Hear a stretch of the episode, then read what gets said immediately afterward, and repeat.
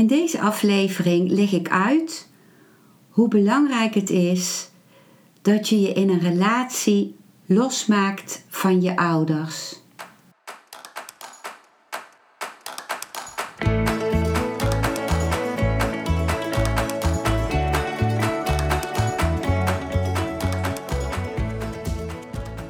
Welkom bij een nieuwe aflevering van Modita's podcast Van Pijn naar Zijn. De podcast waarin ik je meeneem voorbij de pijn in je leven naar wie je diep van binnen bent. Hoe kun je beter omgaan met je gevoelens? Hoe vind je rust in je hoofd? Wat zit er precies achter je pijn? En vooral, hoe kun je steeds meer jezelf zijn? Adem eens diep in en uit. Ik wens je veel luisterplezier.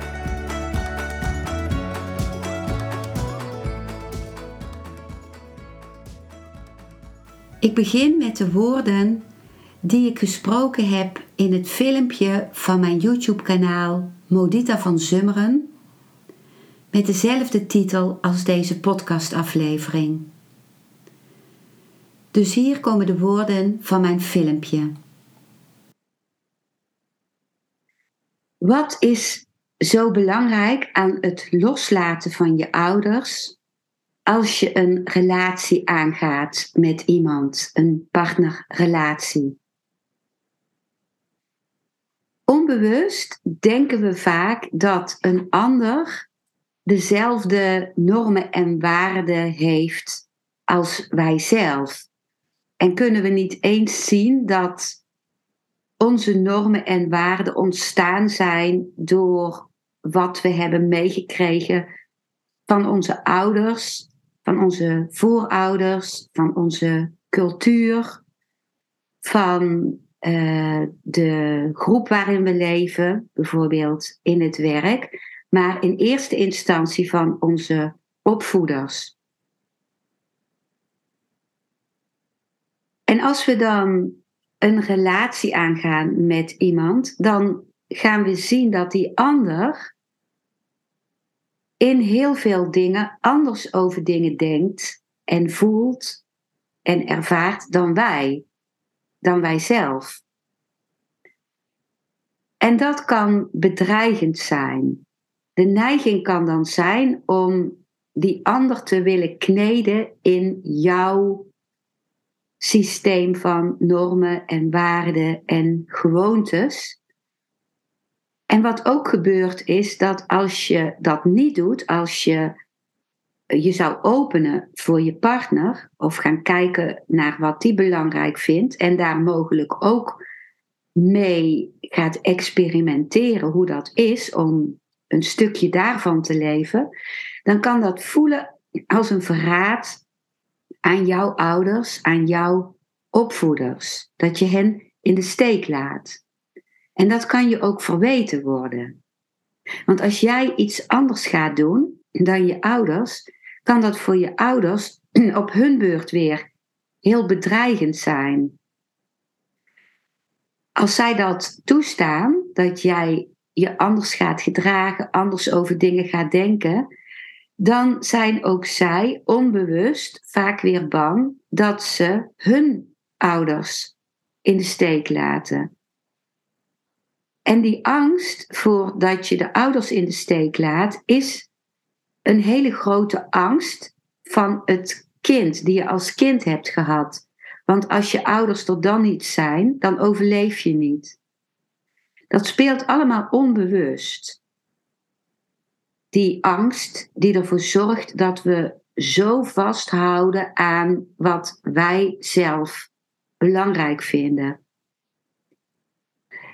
En zeker als je kinderen eh, krijgt samen, dan is het nodig dat je een consensus krijgt, dat je een, een, een overeenstemming krijgt met je partner over wat je hoe je die kinderen op wil voeden. Dat is nodig voor de kinderen. Want als ze steeds moeten kiezen tussen vader en moeder, dan blijven ze heen en weer switchen. En dan komen de kinderen terecht in de strijd die zich eigenlijk afspeelt tussen de ouders. En dan zie je ook vaak dat van broers en zussen de een partij kiest voor de vader en de ander voor de moeder. En dat er dan een clash ontstaat tussen broers en zussen, die eigenlijk deep down de clash is tussen de ouders. Dus, en als je geen kinderen hebt, dan kan het zijn dat je uh, geen overeenstemming kunt bereiken in waar je op vakantie gaat, hoe je een vakantie doorbrengt, hoe je het huis inricht, hoe je, uh, wat voor dingen je samen graag doet, wat voor werk je eventueel samen opzet of wat voor project. Dus bij een partnerrelatie is het noodzakelijk om te gaan kijken wat kan een nieuwe manier worden van in, in relatie met elkaar gevonden, een nieuwe manier om te leven, om, om, uh, om in harmonie met elkaar te kunnen leven en om ook dan iets van de ander tot je te nemen, wat, wat je mogelijk waardevol vindt, of om een uh, concessie te doen ten aanzien van wat jij waardevol vindt. En dat wil niet zeggen dat je niet trouw blijft aan jouzelf, aan jouw zijn, aan wat zich via jou wil manifesteren. En als je iemand uh, treft, uh, een partner van een andere cultuur, dan is het ook het je eigen gaan maken van uh, waardesystemen van die cultuur. Of te gaan kijken van wat is daarin voor jou, wat kan daarin voor jou belangrijk zijn en waarin wil je je gaan verdiepen ook. Dus in feite bouw je samen een nieuw waardesysteem op. En dat is nodig in een relatie. En daarbij is het uh, nodig om je ouders in die zin los te kunnen laten. Zij blijven je ouders. Je kunt van binnen zeggen tegen hen of hardop: Ik blijf jouw kind en jij blijft mijn ouder. Maar kijk alsjeblieft vriendelijk naar mij als ik het anders doe dan jij. Dat is iets waarvan ik ook in de familieopstellingen die ik geef, zie wat werkt. Als je dat uitspreekt, als een ouder hoort, oh, ik blijf de ouder. En mijn kind blijft dankbaar voor het leven dat ik gegeven heb en voor alles wat ik heb gegeven. En ik blijf de ouder en mijn kind blijft mijn kind, ook als mijn kind het anders gaat doen dan ik, dan ontstaat er een rust.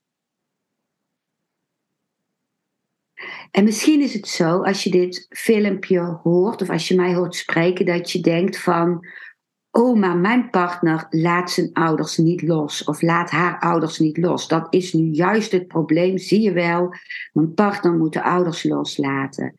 Nee, dit is niet de de, de juiste houding naar je partner.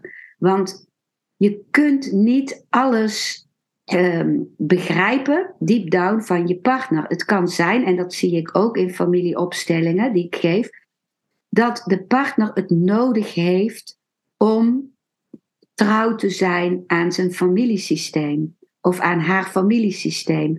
Dat dat door alle invloeden die op dat familiesysteem werken, voor je partner niet mogelijk is om dat los te laten of om dat helemaal los te laten.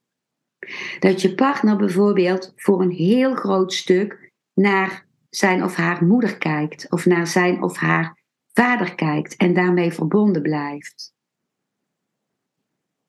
Dus ook al zou de ideale situatie zijn om de ouders los te laten in de zin van het ontwikkelen van eigen normen en waarden, een nieuw familiesysteem samen met jouw partner.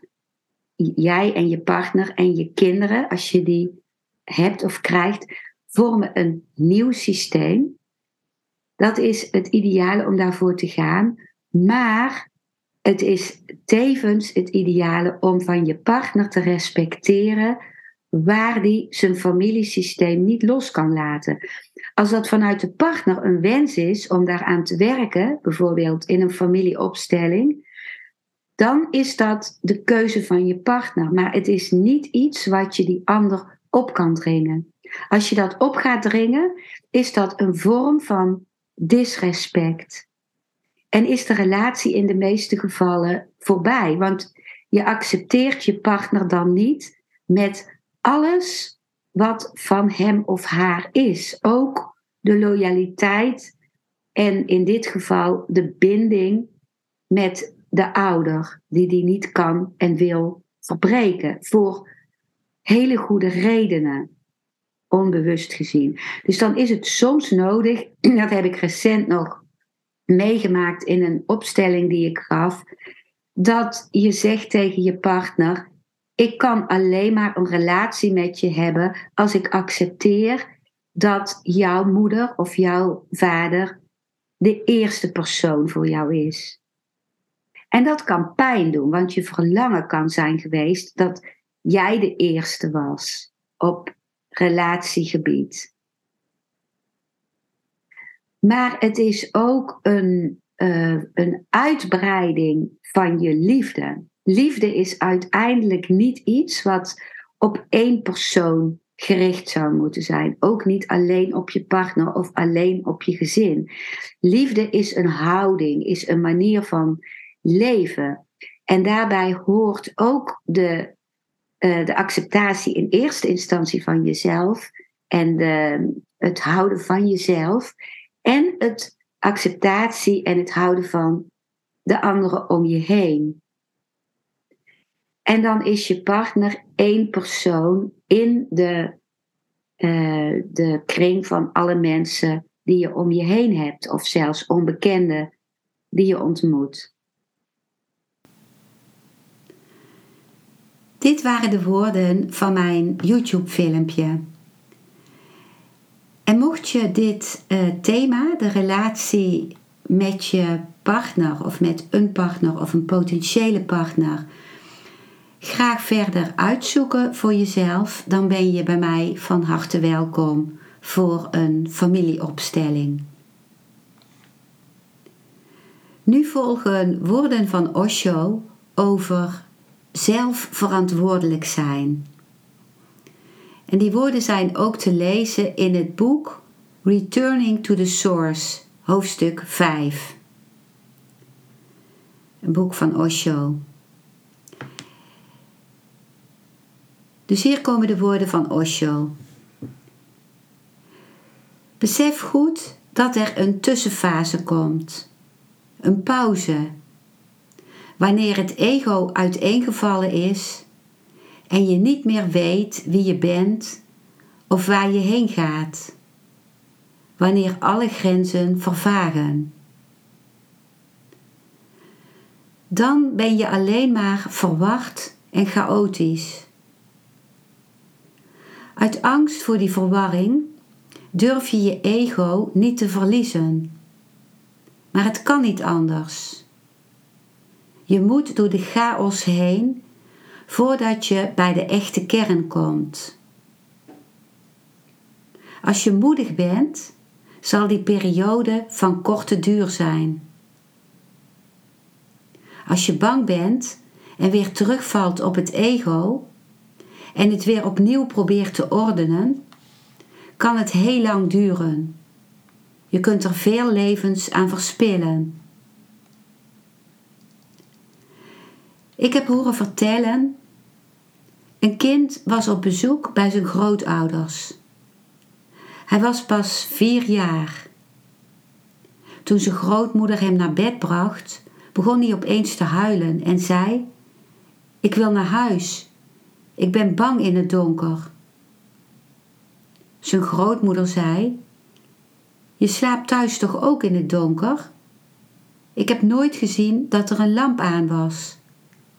Waarom ben je hier dan bang? Het jongetje zei: Ja, maar dat is mijn eigen donker. Dit donker ken ik helemaal niet.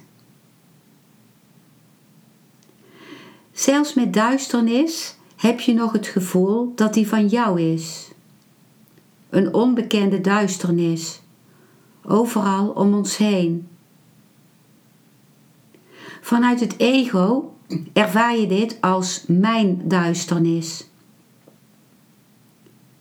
Hoeveel moeilijkheden het misschien creëert, hoe lastig ook, toch, het is van mij. Iets om van te houden. Iets om aan vast te klampen. Grond onder je voeten, zodat je niet in een vacuüm leeft, niet in een leegte. Je mag dan ongelukkig zijn, je bestaat in ieder geval. Zelfs ongelukkig zijn geeft je een gevoel van ik besta.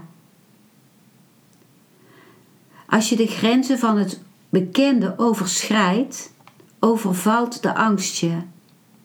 Je wordt bang voor de onbekende duisternis en de chaos, omdat de maatschappij maar een klein stukje van je wezen bewoonbaar heeft gemaakt.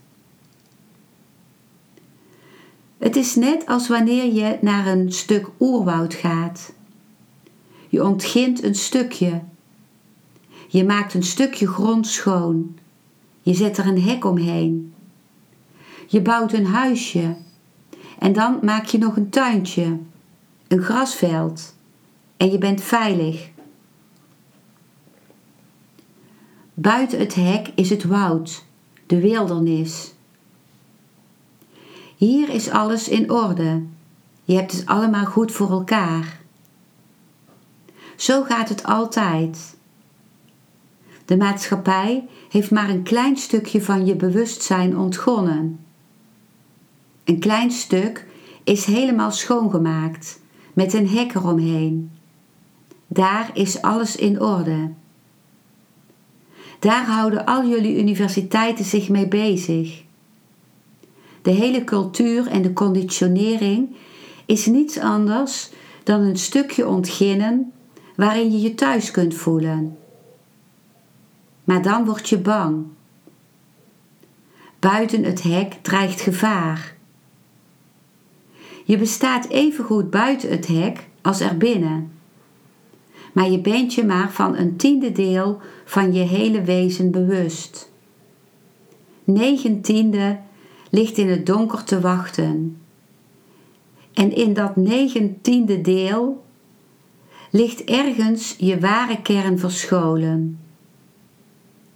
Je moet durven, moedig zijn. Je moet een stap in het onbekende zetten.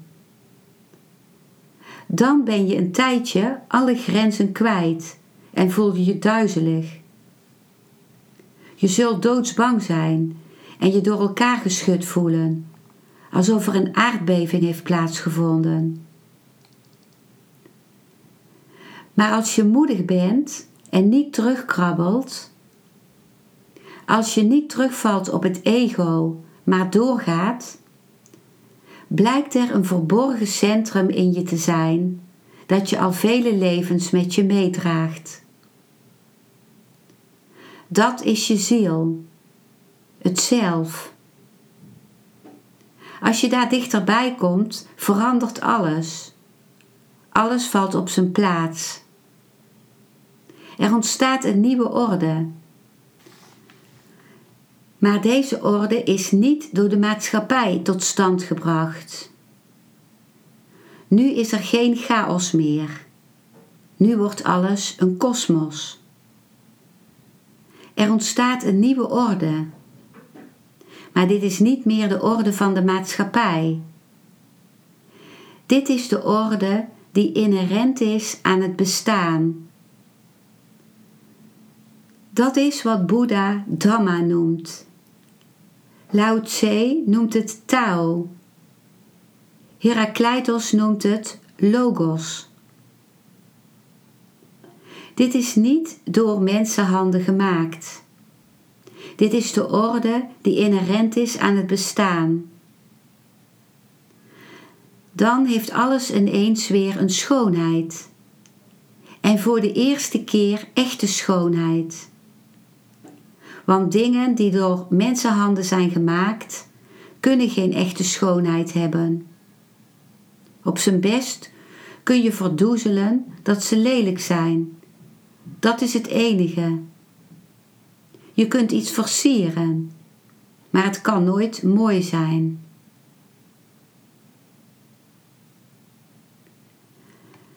Met deze woorden van Osho wil ik deze aflevering beëindigen. Dankjewel voor het luisteren naar deze aflevering.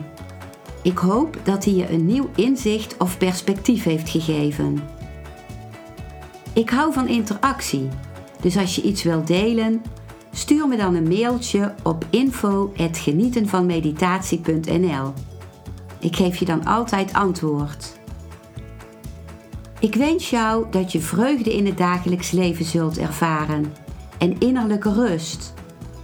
En dat je steeds meer je pijn zult kunnen omvormen in zijn.